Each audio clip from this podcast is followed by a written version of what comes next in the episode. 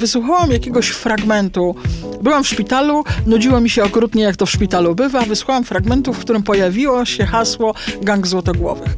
Nie miałam zielonego pojęcia, e, co to za afera. Jak zaczęłam o tym czytać, to mi szczęka opadła. Prawdą jest, że był wielki skandal, prawdą jest, że była wielka afera, że był wielki proces pokazowy, że były drakońskie wyroki.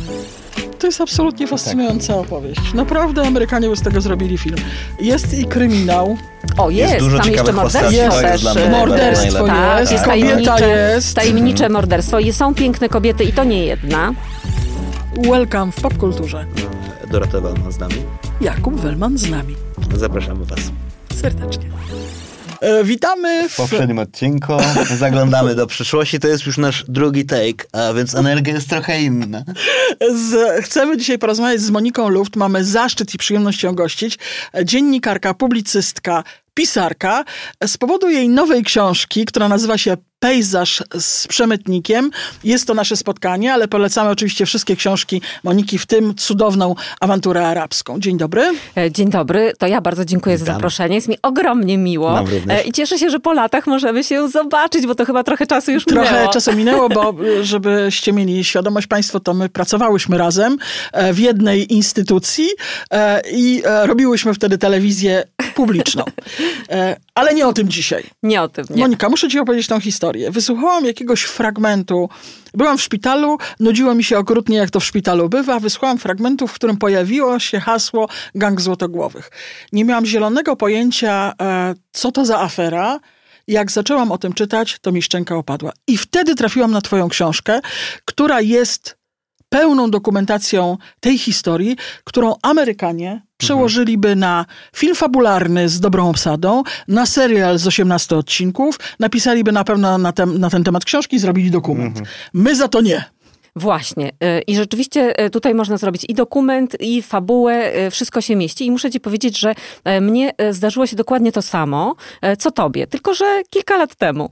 E, Czyli natrafiłam na tę historię, zaczęłam ją dokumentować. E, Najpierw tak trochę badałam, co na ten temat napisano, e, mm, czy, czy, czy coś jest wiadomo i ku wielkiemu mojemu zaskoczeniu okazało się wtedy, że właściwie nie ma na ten temat nic. To znaczy są na przykład y, y, rozdziały w książkach takich ogólnie traktujących o e, PRL-u, jakieś odniesienia do czarnego rynku, jakiś rozdział jeden przy wielkich aferach, ale e, wszystko właściwie jest oparte wyłącznie na jednym tekście, e, jednym artykule z Gazety Wyborczej, który ukazał się no, już wiele lat temu, a inne z kolei teksty oparte są na mm, tekstach prasowych, ale z lat 70. W związku z czym e, skala różnych przeinaczeń, przekłamań, e, jakichś dziwnych rzeczy, o których zresztą nie wiedziałam, dopiero potem jak zajęłam się już tą historią i zajrzałam do akt, zobaczyłam, jaka jest, e, jak opowiadano o tej historii w sposób kompletnie nieprawdziwy. To znaczy prawdą jest, że był wielki skandal, prawdą jest, że była wielka afera, że był wielki proces pokazowy, że były drakońskie wyroki. Wszystko to tak. Natomiast w szczegółach a diabeł kryje się, jak wiadomo, e, w szczegółach. E, Ta historia nie została e, opowiedziana. I stwierdziłam, że jest to tak ważna rzecz, opisująca niby jedną historię, ale jednocześnie właściwie w tej historii tkwi wszystko. Cała wiedza nieomalże o PRL-u. O tym późniejszym PRL-u, no nie o e, pierwszych latach, e, nie o latach 50., chociaż e, ja zaczynam oczywiście mm, historię moich bohaterów, no to sprawdzam, co się z nimi działo wcześniej. Zwłaszcza, że w ogóle cała afera, cała, cała przemytnicza afera trwała ponad 20 lat. W związku z czym no, te lata 70. to już mm, była ta Końcówka. końcówka. Tak, to jest właściwie jak to się skończyło. Natomiast, natomiast tam jest tyle wątków, które, które się przeplatają i które są taką kwintesencją PRL-u, że stwierdziłam, no, że po prostu mm, trzeba to opisać. I bardzo dobrze. Bardzo się cieszymy, że książka powstała. Opowiedzmy tę historię od początku. Tak, tak, bo ja już miałem pytania dotyczące tych teorii czy i tych przekłamań, jakie były najbardziej kontrowersyjne, ale zanim ludzie jeszcze chyba warto byłoby, żeby wiedzieli o co, co chodzi. chodzi? Tak, dokładnie. Naj, podobno największy przemyt w czasach PRL-u. Tak, zdecydowanie największy, dlatego że e, e, mówimy o, skali, mm, bo t- to było tak, że e, z Polski wyjeżdżały dzieła sztuki, antyki, e, po prostu cenne przedmioty. Wyjeżdżały oczywiście nielegalnie, a do Polski wjeżdżały tony złota. Dokładnie obliczono, że było to 16 ton złota, więc możecie sobie wyobrazić, 16 ton złota to jest po prostu jakiś Pociąg. tir wielki, w którym można e, to wszystko zapakować. Złoto w monetach, w sztabkach. E, afera e, o skali międzynarodowej. A międzynarodowej dlatego, że zaangażowani byli w to brazylijscy dyplomaci, co jest niezłą ciekawostką, ponieważ cały ten przemyt w jedną i w drugą stronę był możliwy dzięki temu, że y, oni jako dyplomaci mieli immunitet. A poczta mogli, dyplomatyczna jest niesprawdzana. I mogli sobie wywozić i wywozić co chcieli. Y, w związku z tym, jak odkryli już to źródełko, najpierw źródełko, a potem, a potem ogromne, ogromne źródło zysków, no to oczywiście korzystali z tego, y, jak tylko się dało. Więc skala międzynarodowa, no bo tak, złoto pochodziło z banków Szwajcarii, więc był w to zaangażowany bankowiec szwajcarski, który to umożliwiał. Poza tym złoto Złoto trafiało tutaj, było rozprowadzane e, w Polsce przez e, polskich e, współpracowników, wspólników. To była cała grupa, cała siatka. Natomiast dzieła sztuki z kolei wyjeżdżały do Wiednia. W Wiedniu swój antykwariat miał bardzo znany, bardzo poważany i szanowany antykwariusz Czesław Bednarczyk i do niego on był takim głównym właściwie odbiorcą, który, który później to rozprowadzał. Zresztą rozprowadzał całkowicie legalnie, sprzedawał u siebie w antykwariacie, sprzedawał czasem na aukcjach e, sprzedawał wśród swoich znajomych. Jednym słowem, e, w momencie, kiedy te dzieła sztuki, e, te przedmioty antykwaryczne trafiły już na zachód, no to już były całkowicie legalne. Natomiast co było w tym nielegalnego i co spowodowało później te drakońskie wyroki? No to były dwie rzeczy. Po pierwsze, przemyt, czyli to, że dla wizerunku Służby Bezpieczeństwa, która się tym intensywnie zajmowała, było bardzo ważne, żeby pokazać, jak bardzo dbają o dobra kultury narodowej, jaka ta służba jest potrzebna, e, jak ona służy społeczeństwu. Nawet taka wystawa tak, potem była. Tak, oczywiście. Odzyskanych więc to była, dzieł. O to chodzi, więc dlatego to, było, e, e, to, był, to był ten mm, pokazowy aspekt całej sprawy.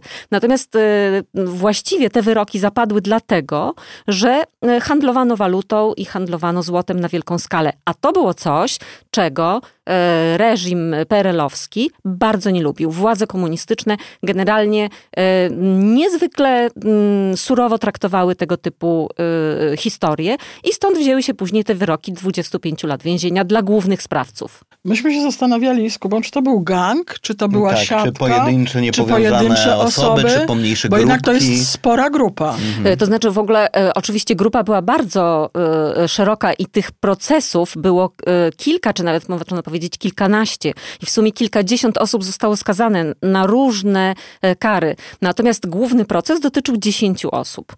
I tam były zresztą dwie pary małżeńskie, zasiadły na ławie oskarżonych, jedna para nieformalna i jeszcze kilka innych osób, w tym ksiądz, e, który również brał e, w tym wszystkim udział. E, I czy te osoby były gangiem? No właśnie, między innymi mm, tak zostało to przedstawione, że są szajką, gangiem, grupą przestępczą i dlatego można było podwyższyć te wyroki, wyroki bo to mhm. zawsze jest, jak jest zorganizowana przestępczość, to wyroki są wyższe. Natomiast mm, tak jak się temu przyjrzałam, to niektóre z tych osób spotkały się po raz pierwszy w ogóle dopiero na sali sądowej. Niektóre z nich się po prostu nie znały. Być może słyszały o sobie, być może wiedziały, ale nie znali się osobiście i nie współpracowali w taki sposób, jak współpracuje gang. E, jednym słowem, to była grupa powiązana niewątpliwie interesami. Niewątpliwie e, byli mm, te wspólne e, sprawy, handel dziełami sztuki, bo to się też odbywało tutaj na rynku wewnętrznym. To wszystko ich łączyło, natomiast nie byli strukturą. To nie była struktura grupy przestępczej. Z całą pewnością nie. Podobne cele i podobne po tak, prostu tak. przestępstwo, tak. którym się zajmowali i tak. wylądowali po prostu w podobnym okolicach. Ja tak, bo pasowało, paso, jeszcze tylko dodam, że pasowało po prostu mhm. E, w tamtym momencie mm, służbie bezpieczeństwa, żeby przedstawić ich jako gang. Narracja I była tyle. lepsza, tak. łatwiejsza. Tak. Ja bym się skupić przez chwilę tylko na tych dziełach sztuki. Jak one zostały pozyskiwane i jakie dzieła sztuki zostały wywiezione, bo potem zostały zyskiem jednak przez tego polskiego antykwariusza, polskiego pochodzenia, to był rzut polskiego pochodzenia, tak. sprzedawane z, e, naprawdę w dobrych cenach. Co wyjechało z Polski i w jaki sposób oni, oni je zdobyli? E, to, co wyjechało właściwie jest bardzo trudne do ustalenia. To znaczy, oczywiście ustalono jakąś część na podstawie zeznań świadków. E, na przykład pytano ich wszystkich po kolei, wszystkich tych aresztowanych, co oni pamiętają. I na przykład mówili, no na przykład była taka ikona bardzo cenna, wysadzana brylantami, która później została sprzedana na zachodzie za 12 tysięcy dolarów. 12 tysięcy dolarów to jest oczywiście ogromna kwota. Wtedy, mówimy cały czas o latach 70. Tak. To są inne dolary, inne miliony złotych też e, i zupełnie inaczej się to kształtowało, więc trudno jest to przełożyć tak bezpośrednio. Trzeba, no, pewnie jest to możliwe, ale, e, ale wymagałoby jakichś specjalnych e, obliczeń. Na przykład udało się ustalić w sumie 105 obrazów, 105 obrazów, których ustalono autorstwo, bądź nie ustalono autorstwo, bo na przykład był malarz nieznany, ale jednak jakieś obrazy, z tym, że też tytuły tych obrazów właściwie nie są znane, bo świadkowie mówili, a co ten obraz przedstawiał? A ten obraz przedstawiał krowy na pastwisku i bądź tu człowieku mądry. Y, albo na przykład, a tamto to przedstawiały, to były kwiaty w wazonie. No więc naprawdę y, konkretnie ustalić, jakie dzieła wyjechały, jest bardzo ciężko, aczkolwiek udało się to w y, kilku czy kilkunastu wartości były te dzieła?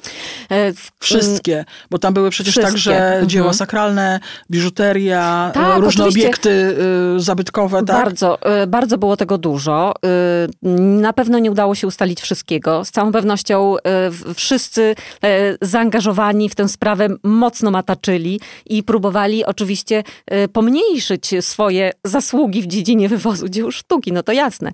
W związku z czym przypominali sobie niewiele i tylko e, niektóre rzeczy, Nie mieli jakieś meble. żadnych jakieś... zapisków, rozumiem, tak, specjalnie ale oczywiście. wiadomo oczywiście, co było najbardziej, e, mówiąc brzydko, chodliwe. chodliwe. Mhm. Jednym słowem, na pewno wyjeżdżały obrazy kossaków, na pewno wyjeżdżały obrazy takich artystów jak Józef Brandt, czy Leon Wyczółkowski, czy Alfred Wieruszkowalski. To były właśnie te nazwiska najbardziej pożądane w tamtym momencie e, przez e, e, nabywców, a do nabywców należeli na ogół ludzie, którzy zostali na zachodzie pochodzenia polskiego, którzy dysponowali środkami na to i, i takie malarstwo lubili kupować. E, więc e, oczywiście, że, mm, że, że, że to była bardzo wysoka wartość, biorąc pod uwagę dzisiejsze ceny na pewno. A wtedy, wtedy no to mm, oni mówili na przykład, że dostali za to tutaj, tutaj zakupili za równowartość powiedzmy na przykład 300 dolarów, sprzedali później jako pośrednicy, sprzedali na przykład za 600 dolarów, a później się okazywało, że gdzieś na jakiejś aukcji albo jakiś tam końcowy nabytek nabywca e, zapłacił, nie wiem, 1200 dolarów. Więc powiedzmy, że e, to w ten sposób się kształtowało. Każdy na tym zarabiał i to zarabiał dobrze. Natomiast e, jakie to były konkretnie sumy, no to jest jeszcze jedna trudność. Otóż Czesław Bednarczyk i inni zresztą, bo czasami też bywali też inni odbiorcy, to nie jest tak, że to były tylko i wyłącznie Czesław Bednarczyk, ale w każdym razie była umowa, istniała umowa pomiędzy nimi a ich polskimi współpracownikami, że te obrazy, które wyjeżdżają i te dzieła sztuki, które są najbardziej, bo tam były też e, figury, e, na przykład XVI-wieczna figura, albo e, była oczywiście porcelana, że to wszystko, co wyjeżdża, nie będzie anonsowane. Nie będzie anonsowane w katalogach, nie będzie e, pokazywane, no bo po prostu chodziło o to, żeby nikt się nie zorientował, że to są rzeczy, które wywiezione zostały z, z Polski, nielegalnie. W związku z czym, kiedy e, e, raz na jakiś czas coś tam się właśnie sprzedało i zresztą Służba Bezpieczeństwa zaopatrzyła się w pewnym momencie ze środków operacyjnych przeznaczono kwoty na zakup katalogów. Katalogów austriackich, zachodnio-niemieckich, brytyjskich, katalogów aukcyjnych, żeby właśnie śledzić to, Y, które z tych dzieł, mm, y, o których mówili y, mm, oskarżeni, Pojawią czy najpierw na zatrzymani, potem oskarżeni i które się gdzieś tam pojawiły. No ale oczywiście tego nie dało się wyśledzić tak do końca. Co w tym robił ksiądz? I czy to prawda, że on często dostawał nawet te dzieła sztuki od wiernych czy od y, proboszczów kościoła, bo mówił, że tworzy muzeum diecezjalne. Tak, ksiądz Leon Degas to jest w ogóle bardzo ciekawa postać y, y, i niejednoznaczna.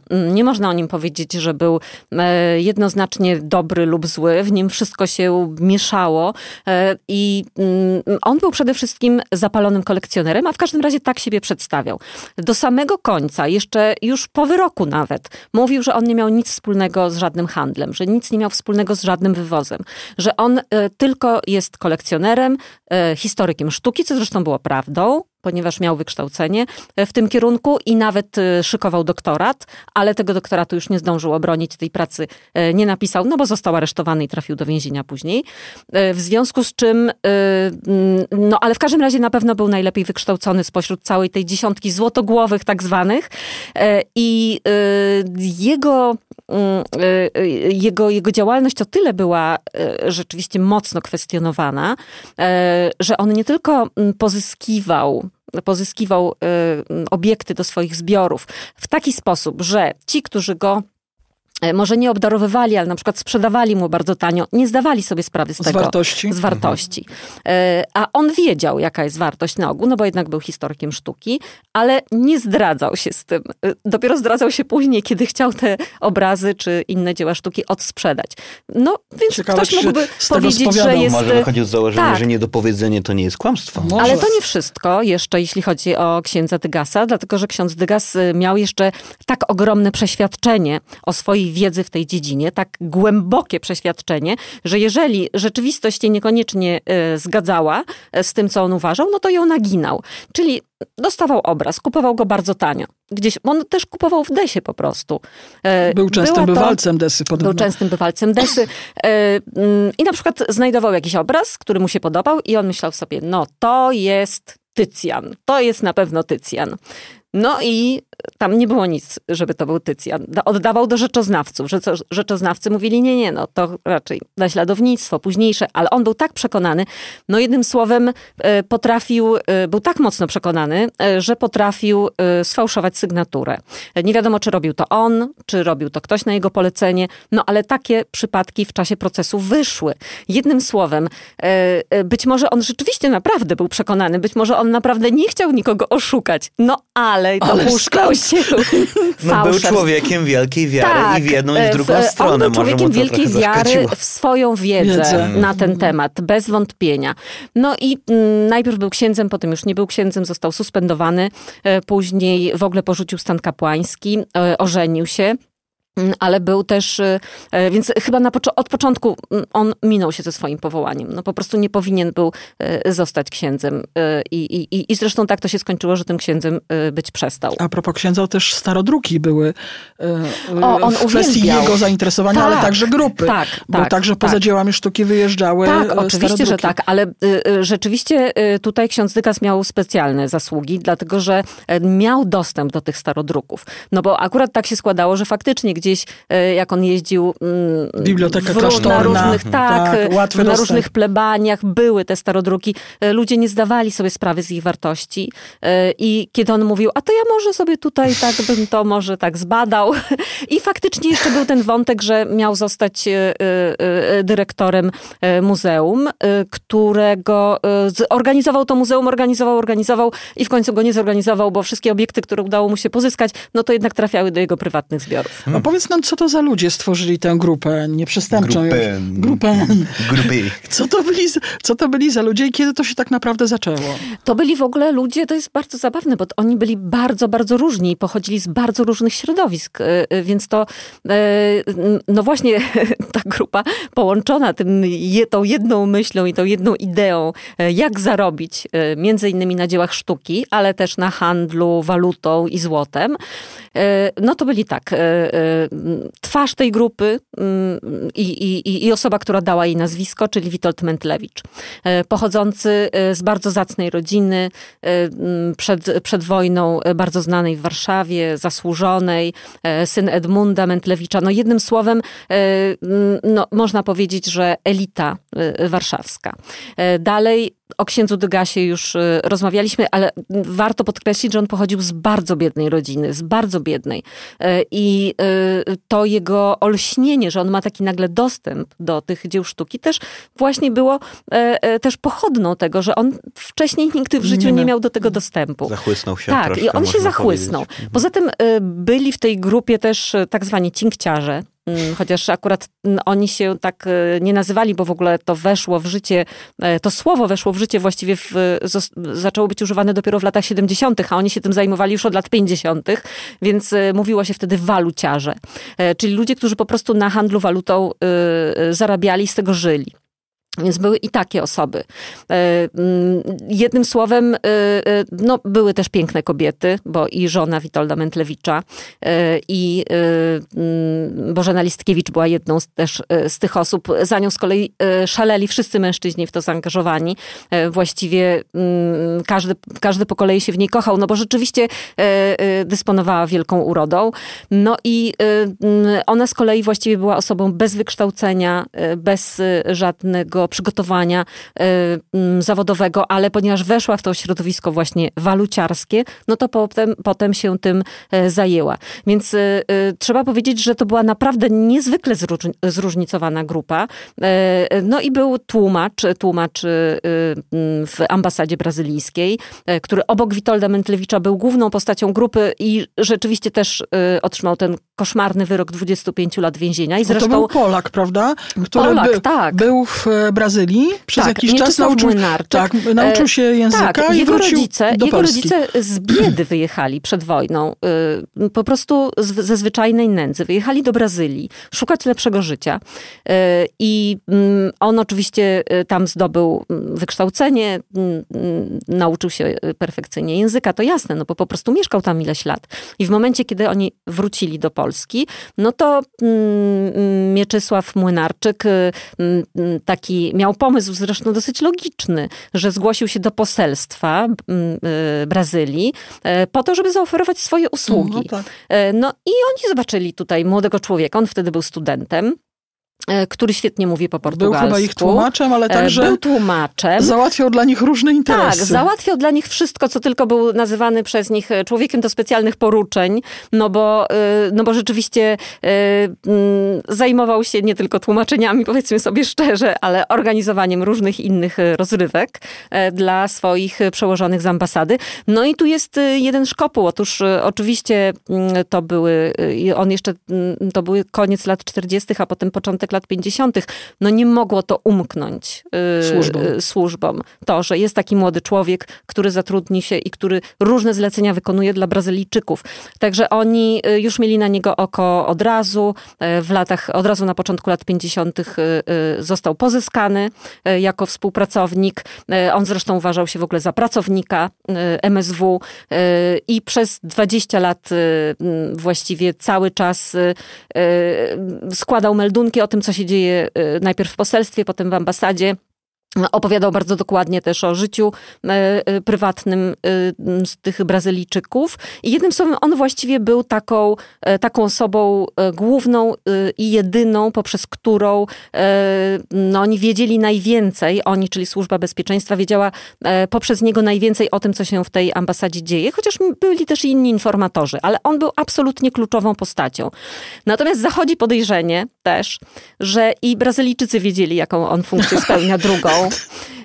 ponieważ e, i że oni się na to zgadzali, no bo mogli go kontrolować, więc woleli takiego informatora e, niż informatora służb, niż takiego informatora służb, o którym oni nie będą wiedzieć. Jednym słowem, wszystko odbywało się jakby w pewnym takim konsensusie. Czyli kontrolowali też informacje, które do niego docierały. Tak, tak oczywiście, że tak.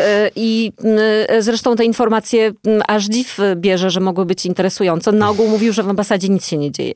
W poselstwie po prostu nic absolutnie się nie robi.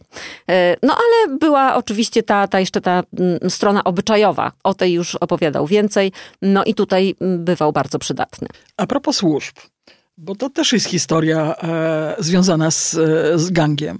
Na ile służby przymykały oko przez 20 lat na tę działalność? Jaki miały w tym interes? Czy czerpały z tego korzyści? Bo to jest niemożliwe, żeby przez 20 lat nie w takiej ilości, Nie prawda? w takiej ilości tolerowano tego typu e, działalność przestępczą. Y, oczywiście, że wiedziano o tym. To nie jest tak, że, y, że służby nagle po 20 latach dowiedziały się, o jejku, jejku, a co tutaj się pod naszym Pociągi bokiem dzieje? wyjeżdżają z różnymi co tu rzeczami. się w ogóle... Ale mm, w to była, to była historia skomplikowana na wiele sposobów. Czyli po pierwsze uważali, że dzięki temu, że przymykają oczy, mają wgląd, kontrolują. Czyli na przykład właśnie współpracuje z nimi Mieczysław Młynarczyk, czyli na przykład współpracuje z nimi w pewnym zakresie Witold Mentlewicz, w związku z czym, że oni widzą, że oni wiedzą, że oni mają kontrolę. To była jedna, e, jeden z powodów, dla których ten parasol ochronny e, był po prostu roztaczany przez długi, długi czas. I on działał, i on działał, bo na przykład Młynarczyk, e, e, kiedy się zorientowano, że on na wielką skalę uczestniczy w tym procederze e, handlu walutą, no, to, no to już chcieli to ukrócić. No ale przyszło, przyszedł, przyszło polecenie, nie, nie, ten pan jest pod naszą tutaj protekcją. Więc rzeczywiście to działało. A z kolei e, Witold Mentlewicz, który e, wyjeżdżał, co mnie, na, kiedy czytałam akta, zupełnie, e, no, było to tak dla mnie zaskakujące. On z żoną, oni, oni właściwie kilka razy w roku wyjeżdżali sobie na kilkutygodniowe wakacje, podróże po Włoszech, po Francji, gdzieś, no po prostu cały czas właściwie żyli, jakby zupełnie nie byli obywatelami PRL-u. Jakby to nie była Polska ludowa, tylko jakby to bogaci ludzie, Europejczycy pełną gębą. No więc y, y, dlaczego? No bo mogli. No bo mogli. No bo właśnie mieli ten, że jak on wyjeżdżał, no to on wracał, on składał raport. Y, służbie bezpieczeństwa się wydawało, że w ten sposób ona się czegoś dowiaduje. Natomiast po pewnym czasie, i to należy powiedzieć, zdali sobie sprawę z tego, że no nie, no, że ci informatorzy nie są może aż tak istotni, te informacje, które przekazują, nie są tak ważne i generalnie nie warto w nich dalej inwestować. To jest jedna rzecz. E, ale e, drugą jeszcze e, sprawą, o której trzeba powiedzieć, było to, że to nie była tylko służba bezpieczeństwa. Istniał także parasol ochronny ze strony polityków ówczesnych, komunistycznych, dygnitarzy, którzy oczywiście bardzo chętnie uczestniczyli w pozyskiwaniu dzieł sztuki na różne sposoby też. I w związku z czym utrzymywali kontakty z tym środowiskiem, utrzymywali kontakty z takimi ludźmi jak Tadeusz Wierzejski, który także jest jednym z bohaterów tej książki, e, kolekcjoner, zresztą darczyńca niezwykle zasłużony, e, ale on też im organizował. Organizował im właśnie, mm, oni lubili sobie wieszać kostaki, powiedzmy sobie szczerze, na, ścia na ścianach. I też nie chcieli przerwania wcale tego, tego, tego całego procederu. Nie chcieli, no bo to też służyło ich jakiś tam prywatnym z kolei interesom. Poza tym na pewno było też przekupstwo. To oczywiście y, w aktach jest bardzo mocno wyczyszczone y, i tutaj Służba Bezpieczeństwa bardzo nie lubiła mówić o tym, że jacyś funkcjonariusze czy jacyś wysocy dygnitarze mm, Mieli mogli korzyści. być, tak, mieć jakieś tutaj korzyści, więc oczywiście to wszystko było wygładzone. Natomiast no, między wierszami można to przeczytać, że też i i, i, I to też był jeden z czynników. No a poza wszystkim innym jeszcze jedna rzecz. No to nie były rzeczy kradzione. Gdyby to były, gdyby ta grupa zajmowała się kradzieżami, to prawdopodobnie dużo wcześniej wszystko by runęło, mówiąc wprost. Ale, ale oni pozyskiwali inaczej. No jednak kupowali gdzieś, to był czarny rynek, tak, ale kupowali od ludzi albo kupowali w ogóle legalnie w desie, a później wywozili nielegalnie. W związku z czym no, to nie było Mm, coś takiego, żeby na przykład y, od razu nasłać na nich milicję i tutaj milicyjne śledztwo, no ponieważ te kradzieże nie, y, y, nie, nie, nie były w mm, zakresie zainteresowania tej grupy, na pewno nie. Mówi się o tym, że oni się bardzo wzbogacili. Mieli domy, jest taka plotka, musisz od razu ją nam wyjaśnić, no że, pani, sygnetami. E, że pani nosiła na siebie, nas, jedna z pań, chyba żona Witolda tak. E, Mentlewicza, majątek rzędu miliona złotych w brylantach i futrach. Mieli domy, mieli samochody tak. i to takie, których też wtedy nie można było mieć, bo nie mówimy tu o starych Warszawach, no a amerykańskich samochodach sprowadzonych tak. też dziwną drogą. Na ile się wzbogacili na tym procederze? Bardzo, ogromnie.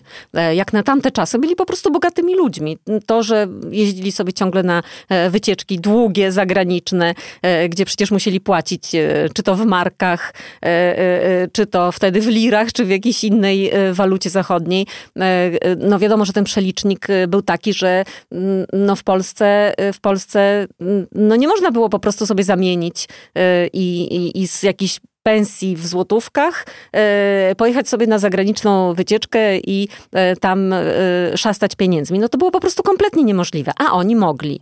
Ale było to oczywiście też i na miejscu sobie no, te, te ich domy wyposażone właśnie w dzieła sztuki, wyposażone w jakieś te komutki, antyki albo imitacje antyków. No w każdym razie bardzo Y, bardzo dobrze żyli i to jest, nie należy się temu dziwić, no bo, no bo faktycznie y, te ich zarobki tutaj y, były no po prostu ogromne, były po prostu ogromne. Czy ona nosiła na sobie milion złotych? Tego raczej, no tutaj nie wiem, nie, nie sądzę. E, bardzo mocno to też e, podkręcano. E, później, w, w, kiedy ruszyły już artykuły na ten temat, kiedy odblokowano informacje, bo najpierw było jeszcze embargo, była cenzura, no ale kiedy już to ruszyło, kiedy zaczęto o tym pisać, to bardzo epatowano tym właśnie, jak to oni byli potwornie bogaci i jak żyli, jak zupełnie inaczej. No chodziło o to, żeby społeczeństwo nastawić przeciwko tej grupie, żeby ten proces pokazowy y, odpowiednio wybrzmiał. Ale mm, i oczywiście następowała ogromna przesada, y, bo jednak oni też mocno y, mm, starali się nie zwracać na siebie uwagi. No, to znaczy i tak zwracali, wiadomo, no ale nie aż tak. Nie aż tak, żeby to, to jednak było wszystko bardzo, bardzo mocno gdzieś no, wręcz karykaturalnie wyolbrzymione, to jak oni sobie żyli. No, te wszystkie opowieści, że ktoś specjalnie, jak, że czwarty do brydża przy, przylatywał samolot, samolotem e, po to, żeby mm, skompletować i żeby sobie oni mogli e, zagrać, no to raczej między bajki należy włożyć. Ale były i takie opowieści. Czyli próbowali w takim razie nie epatować z tym, próbowali się raczej z tym ukryć, czy gdzieś po środku leży Nie, gdzieś po środku. Mhm. Tak, tak, tak. To znaczy y, mm, te ich domy z dzisiejszej perspektywy, wtedy to było, mówiło się, że willa taka, willa owaka, no ale e, są w aktach zdjęcia tych domów. No z dzisiejszej perspektywy, no to to są skromne domy. E, więc to nie jest, to nie była jakaś wielka, e, to nie były jakieś wielkie, gigantyczne, luksusowe wille, no tylko naprawdę dosyć skromne domy. Natomiast rzeczywiście były wyposażone już, y, w, jak się wchodziło do środka, no to e, wielu wizytujących miało takie wrażenie, że wchodzą do antykwariatu. No bo, y, no bo rzeczywiście wisiały na ścianach te obrazy. No akurat u Witolda Mentlewicza, no to wisiały obrazy e, bardzo cenne. Od, od, od Hełmońskiego poprzez Fałata, po, e, po, inne, po innych mistrzów. W związku z czym on też wiedział, co na ścianach powiesić. Bo na przykład ksiądz Leon Dygas był takim człowiekiem, który zbierał wszystko. Właściwie był takim kompulsywnym e, zbieraczem, czyli e, i bardzo cenne rzeczy, bardzo cenne, no to mm, fajnie. Natomiast jak są niecenne, ale też on może to mieć, to bardzo proszę. To też, więc on no, nie dokonywał tej selekcji. E, no, no po prostu to gdzieś nie leżało, on, on, on gromadził, gromadził, gromadził. Być może właśnie Wynikało to z tego, z, tej, z tego jego pochodzenia bardzo skromnego, e, z bardzo ubogiej rodziny. Witold Mentlewicz jednak pochodził po prostu z rodziny bardzo zamożnej, w związku z czym on mm, rzeczywiście uważał e, na to, co wiesza na ścianach i żeby to było naprawdę cenne. Te wyroki były naprawdę surowe za e, te przestępstwa. Tak. E, pokazy, y, procesy pokazowe. Jak się skończyły losy ludzi, którzy uczestniczyli w tym procederze? E, wyroki zapadły od 4 lat więzienia do 25, tak jak mówiłam. 4 lata, no to na przykład było dla żon. Dla kilku osób skończyło się to wyrokami typu 10-11 lat. Także to były naprawdę bardzo surowe wyroki.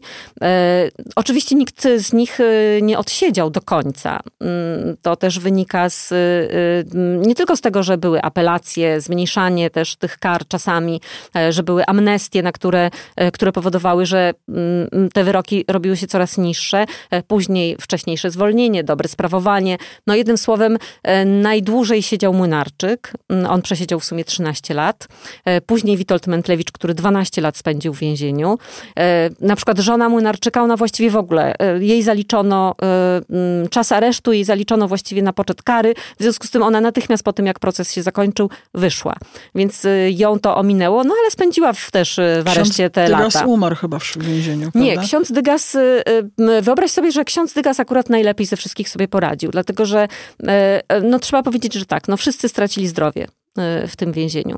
Byli, właściwie wyszli jako ludzie schorowani, jako ludzie, którzy Witold Mentlewicz musiał poddać się kilku operacjom. No to, to naprawdę było, było okropne. Oni właściwie po wyjściu z więzienia zajmowali się wyłącznie tym, żeby jakoś dojść do siebie. A przepadł ich majątek też? Ich majątek przepadł całkowicie. Wszystko y, przepadło na rzecz Skarbu Państwa. Chociaż trzeba powiedzieć, że później y, w momencie, kiedy już nastąpiły zmiany, y, i to, bo to już był nadszedł rok 89, 90, to, co, czego państwo nie zdołało zagospodarować, bywało w kilku przypadkach, że wróciło. Y, to oczywiście trwały dalsze procesy i tak dalej, i tak dalej. Ale o księdzu Dygasie. Otóż y, y, wyobraźcie sobie, że ksiądz Dygas też go to kosztowało i majątek, i zdrowie, ale wyszedł z więzienia e, i rozpoczął właściwie e, jak na, e, jak na swoją sytuację człowieka, który spędził nowe wiele życie. lat w więzieniu, rozpoczął normalne nowe życie. Został nauczycielem, ożenił się, wychowywał dzieci, te, które już wcześniej zresztą się urodziły. W związku z czym i nawet wrócił do kolekcjonowania. Dzisiaj, jeżeli się przegląda jakieś strony aukcyjne, to czasami jest jakieś dzieło, które właśnie z kolekcji Leona Degasa, czyli jednym słowem on później później wszedł jakby w ten taki, e, e, być może już nie na tę skalę prawdopodobnie, bo też nie miał środków, e, ale gdzieś na jakąś skalę jednak kontynuował tę swoją pasję i można powiedzieć, że właściwie on jeden wyszedł obronną ręką. Faktycznie, tak jak mówiłaś, Niektórzy nie dożyli już wolności. Niektóre z tych osób niestety no, nie doczekały wolności. O, tak to powiem. Co robili z tym złotem? Bo sprowadzali to złoto do Polski i co? Handlowali nim tak. W takim ogólnym obiegu, oczywiście drugim obiegu. Nie, nie, no, tak. w zaufanym obiegu Zaufanym, przede tak. wszystkim, tak. bardzo zaufanym. To znaczy e, na pewno e, to nie było tak, że stali sobie tutaj gdzieś na rogu i wołali, mam złoto do sprzedania. No, to były pewne kanały, ludzie zaufani, którzy to złoto od nich kupowali, a takich ludzi zamożnych było już sporo w Polsce lat 70., a nawet już lat 60., a kolei w latach 50. byli ludzie, którzy mieli majątki jeszcze przedwojenne, czy, czy, czy nawet wojenne, bo i takie e, sytuacje się, sytuacje się zdarzały. Ludzie, którzy e, wzbogacili się w czasie wojny. To jest akurat przypadek właśnie Tadeusza Wierzejskiego, e, który otwarcie przyznawał, że on handlując sztuką podczas wojny zdecydowanie powiększył swój majątek. Więc były i takie sytuacje. Natomiast no, oni mieli po prostu tych zaufanych odbiorców i, i takie siatki istniały. Nawet można było w tym, na tym, w tym czarnoobiegowym e, e, świadku e, można było nawet nie posługiwać się nazwiskami. Oni opowiadali takie, tak, taką, na przykład jest taka, jeden ze świadków opowiedział to w śledztwie, że aby sprzedać albo na przykład pozyskać jakiś przedmiot, to w Poznaniu należało pójść e, na rynek do Desy i tam zapytać o pana z laską. E, I oni wtedy już kierowali do pana z laską. Pan z laską mieszkał dwa... Tak, e, tak. Ja, Dzień dobry, ja, dwa piętra... tak. widzę kadry, kolejne widzę, postaci. Tak, tak. i dwa, dwa piętra wyżej mieszka ten pan. Nawet nie posługiwano się nazwiskami, po prostu wszyscy wszystko wiedzieli. To była taka sytuacja, że wiadomo było, jak się w tym poruszać. No jednym słowem, no w ogóle przez cały PRL y, istniał, y, y, istniała właśnie właściwie gospodarka no, dwunurtowa, nazwijmy to tak. No, był jeden nurt oficjalny, no i ten nurt czarnorynkowy, który być może w ogóle generował więcej różnego rodzaju zysków, w każdym razie na pewno dla prywatnych ludzi. No jednym słowem, oni znakomicie umieli poruszać się właśnie w tym świecie. No, no, to jest absolutnie fascynująca tak. opowieść. Naprawdę Amerykanie by z tego zrobili film. Jest i kryminał. O, jest, jest dużo tam jeszcze morderstwo jest, też. Jest morderstwo tak, jest, jest tajemnicze, jest. tajemnicze morderstwo. I są piękne kobiety i to nie jedna, e, tylko m, mm, akurat tak się składało, że właśnie były tam e, panie e, e naprawdę bardzo atrakcyjne w to wszystko zaangażowane. Jest e, ksiądz, co jest, jest Mamy międzynarodową aferę, więc mamy tutaj fajterskiego tak, bankiera, tutaj tak, mamy brazylijskich tak, dyplomatów. Wszystko jest. Wszystko, wszystko, co potrzeba. Tak, tak, tak, tak, Teraz nic, tylko pisać scenariusz, a później to zrealizować realizować. Poza tym jest jeszcze... Czemu nie e, napiszesz? Właśnie, ha, ha. Natomiast, natomiast y, y, y, rzeczywiście jest y, moda teraz ostatnio przecież na, y, na kino osadzone w czasach PRL i, i wydaje mi się, że też jest, ludzie chcą to oglądać. No są, są, są to historie, zresztą ta historia, historia Złotogłowych jest tylko jedną z wielu. Można wiele innych historii też znaleźć. One są jeszcze cały czas nieodkryte. Cały czas gdzieś jeszcze myślę w ogóle w aktach też można znaleźć historie, które czekają na to, żeby zostać opisane. No i, i tutaj wielkie pole do popisu dla różnych badaczy. Także absolutnie ja sobie tutaj nie uzurpuję jakiejś bynajmniej tutaj szczególnej roli. No po prostu te historie są. Był taki film, próba chyba opowiedzenia o tym, Antyki się nazywał? Antyki to jest, y, to jest w ogóle bardzo ciekawa sprawa, dlatego że e, ten film Antyki, zresztą ja poświęcam temu filmowi jeden rozdział, rozdział też w książce, tak. E, miał być taką wisienką na torcie. E, film został wymyślony przez Służbę Bezpieczeństwa. Oni mm, stwierdzili, że już po takim wielkim sukcesie, jakim była ta wystawa, właśnie o której zresztą wspomnieliśmy przez chwilę, no bo dzieła, które zostały odebrane, zarekwirowane, wszystkie wszystkim oskarżonym, trafiły później na wielką wystawę do Muzeum Narodowego. Ta wystawa Wielki cieszyła się. Służb. Tak, cieszyła się wielkim e, powodzeniem i e, oczywiście prasa się o tym rozpisywała, jak to wspaniała służba bezpieczeństwa ocaliła tutaj. No w każdym razie e, dużo bardzo było propagandowo na ten temat i potem w pewnym momencie Służba Bezpieczeństwa jest na ten temat notatka, którą ja przytaczam, więc to nie jest coś, co ja wymyśliłam i oni mówią dosyć to ten temat już y, y, wystarczy. Y, jeżeli będziemy kontynuować, to przegrzejemy. Cała nasza tutaj wysiłek propagandowy pójdzie na marne. Koniec. Od tej pory nic na ten temat nie piszemy. I po prostu dość. Natomiast powiedzieli tak ale jeszcze film. Film to by było fajnie, gdyby powstał film. No i rzeczywiście, najpierw było, że serial, potem film. E, zlecili to e, zespołowi filmowemu Profil Bogdana Poręby, czyli we właściwe ręce to poszło. Trafiło, tak. Tak. No i e, powstał scenariusz, najpierw pomysł, wszyscy byli zachwyceni. Pomysł bardzo się spodobał służbie, służbie bezpieczeństwa, tudzież w KC oczywiście, no bo przecież to mm, wszędzie było omawiane. E, zaakceptowany został e, reżyser, scenarzysta, wszystko wspaniale. E, bardzo szybko to poszło. W ogóle ta produkcja od momentu, kiedy dostała zielone światło, do momentu, kiedy została tak, kiedy padł pierwszy klaps, no to po prostu to było zaledwie kilka miesięcy, no to poszło szybko. Po czym powstał film, który został później ocenzurowany. Pewne rzeczy wypadły, pewne wątki się nie spodobały. No, jednym słowem, wchodzi film na ekrany, jest premiera. E, w kinie Skarpa. E, zbierają się wszyscy znajomi, e, krewni, znajomi królika, rodziny twórców i jest odpowiedzialny za ten odcinek funkcjonariusz Służby Bezpieczeństwa, który przyszedł zobaczyć, co to z tego wynikło. No i cóż się okazuje? Funkcjonariusz Służby Bezpieczeństwa jest absolutnie zniesmaczony, jest po prostu oburzony i jego notatka na ten temat jest tak wręcz humorystyczna, jak, jak, on, jak on jest y, tak absolutnie rozczarowany tym filmem i przelewa to później na papier, właściwie zamienia się w takiego krytyka mm, surowego filmowego, e, że cała ta notatka zresztą jest w książce y, mm, po prostu w całości e, reprodukowana. E, no jednym słowem uznał, że film jest fatalny, beznadziejny, nic nie wiadomo o co w nim chodzi, a o służbie bezpieczeństwa nie ma nawet jednego słowa. Ale Andrzej Szczepkowski też tego filmu nie oszczędził. Nie oszczędził, e, nie. Starał się w delikatnych słowach powiedzieć, że to jest jedno wielkie gówno. Tak, no on, e, tam wystąpili naturszczycy, dlatego że reżyser Krzysztof Wojciechowski miał taką ideę, że to będzie taki coś właśnie między fabułą a dokumentem. Tam były wtedy w tych czasach takie eksperymenty, które czasami były udane, a czasami nie, więc to był film eksperymentalny, jak się okazało. Akurat mniej udany y, niż inne, ale y, no jakaś tam idea temu towarzyszyła. Natomiast główna, y, główny właśnie zarzut był taki, że nic nie wiadomo o co chodzi, jest to kompletny chaos. Była jakaś banda, jakaś szajka, ale właściwie nie wiadomo co ona robiła i dlaczego, i dlaczego to było złe i no, jednym słowem, e, e, najśmieszniejsze jest właśnie to, że Służba Bezpieczeństwa, która w ogóle wymyśliła ten film, skierowała do produkcji, była na koniec była totalnie niezadowolona. I że za mało jej było też, tak? za mało jej było.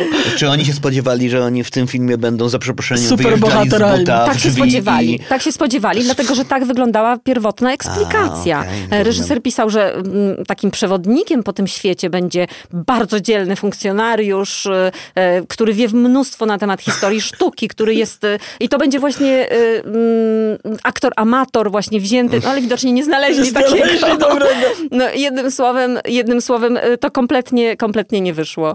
Bonika. To cudowna opowieść, naprawdę. Bardzo Może to i dobrze, że to nie wyszło, bo mamy okazję jeszcze zobaczyć to w zaapelować do wersji. filmowców, żeby po pierwsze przeczytali książkę Tak. Moniki Luft, po drugie przyjrzeli się tej historii Tym postaciom i, i tym postaciom. obsadzie. E, Można z tego zrobić naprawdę e, kapitalny absolutnie film. Na pewno też można z tego zrobić kapitalny serial. Bardzo wam dziękuję. Rzeczywiście, bo y, te postacie są krwiste po Tak, prostu. bardzo. Tak, ba- tak mają to... swoje, właśnie są Tak. ani dobre, ani złe, mają swoje A uzależnienia, jeszcze jakby swoje je problemy. podkolorować, O! e, bo oczywiście książka jest na podstawa, na, napisana na podstawie Dobra, inaczej dokumentów. E, Witold e, Mentlewicz, kto by go zagrał według ciebie? Ulala. Wybierz sobie jakiegoś jednego Ulala. aktora. No, no, no. Jednego, jednego. Mm, ale Witold Mentlewicz młody czy stary? Młody, młody, na początku. Początek na działania. początku, na początku. Tak.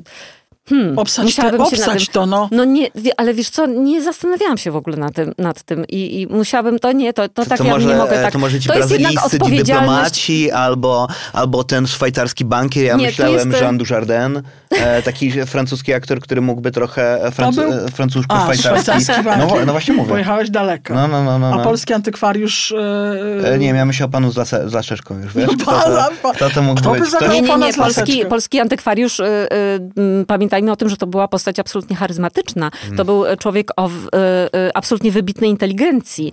E, Tak, uzna- świetny uznany w handlowiec, ale także człowiek, który potrafił wpływać na innych i y, y, chyba jedyna postać z tych wszystkich bohaterów książki, y, która właściwie wo, y, wodziła Służbę Bezpieczeństwa za nos, bo oni próbowali, oni do niego podchodzili kilkakrotnie. Marian Dzień Dzień. Oni Marian próbowali, Dzień. nie, oni, próbu, Nie? oni próbowali go pozyskać, ale on za każdym razem im się wymykał. Właściwie był dla nich nieuchwytny. Nie, to nie E. Nie, to Okej. musi być... e, e, To musi on, być to był, e, on był przystojny. On był... Marian e, jest przystojny, ale Mówimy o, inaczej. starszym pa, mówimy o starszym panu z laseczką, tak? Bo mam wrażenie, Nie. że kontekst Nie, nie, nie. A, nie. czyli Mówimy o antykwariuszu. O, okej, Mówimy o antykwariusz. antykwariuszu Tam, z, gdzie docierały Wiednia, dzieła. Okej. e, czyli o e, A. Czesławie Bednar, Bednarczyku. To, jest, Jakby to musi być e, bardzo mm, Przystojny, charyzmatyczny, e, przystojny, e, mm, taki, co do którego będziemy mieć pewność, że on rzeczywiście wywiera ten wpływ na innych.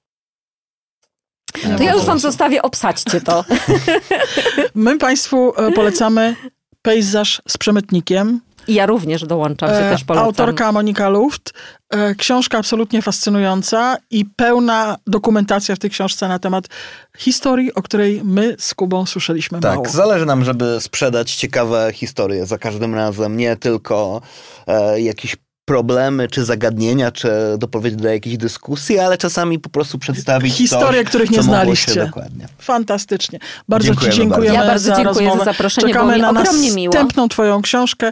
Postaram E, się nie zawieść. E, poczekamy tu przy tym stoliku na ciebie. nie Nie, nie, proszę się sprężyć. Trzeba ściśnąć w takim razie. na. Dziękujemy Ci Ja serdecznie. dziękuję, Wszystkiego dziękuję dobrego. bardzo. To jest pierwsza część naszej rozmowy na ten temat. E, Monika e, i jej książka była dla nas inspiracją. Tak się I ładnie wtedy złożyło. się okazało, Że Jacek jeszcze, Denel, e, napisał część, którą można byłoby nazwać uzupełniającą, prawda? Troszkę ładnie nam się zrobi jako część druga, więc czekajcie na rozwinięcie tematu. szczególnie, że Jacek Denel ma coś wspólnego z jednym z bohaterów tej całej afery. E, Nie więc mówimy o brazylijskich dyplomatach. Absolutnie nie chodzi o brazylijskich dyplomatów.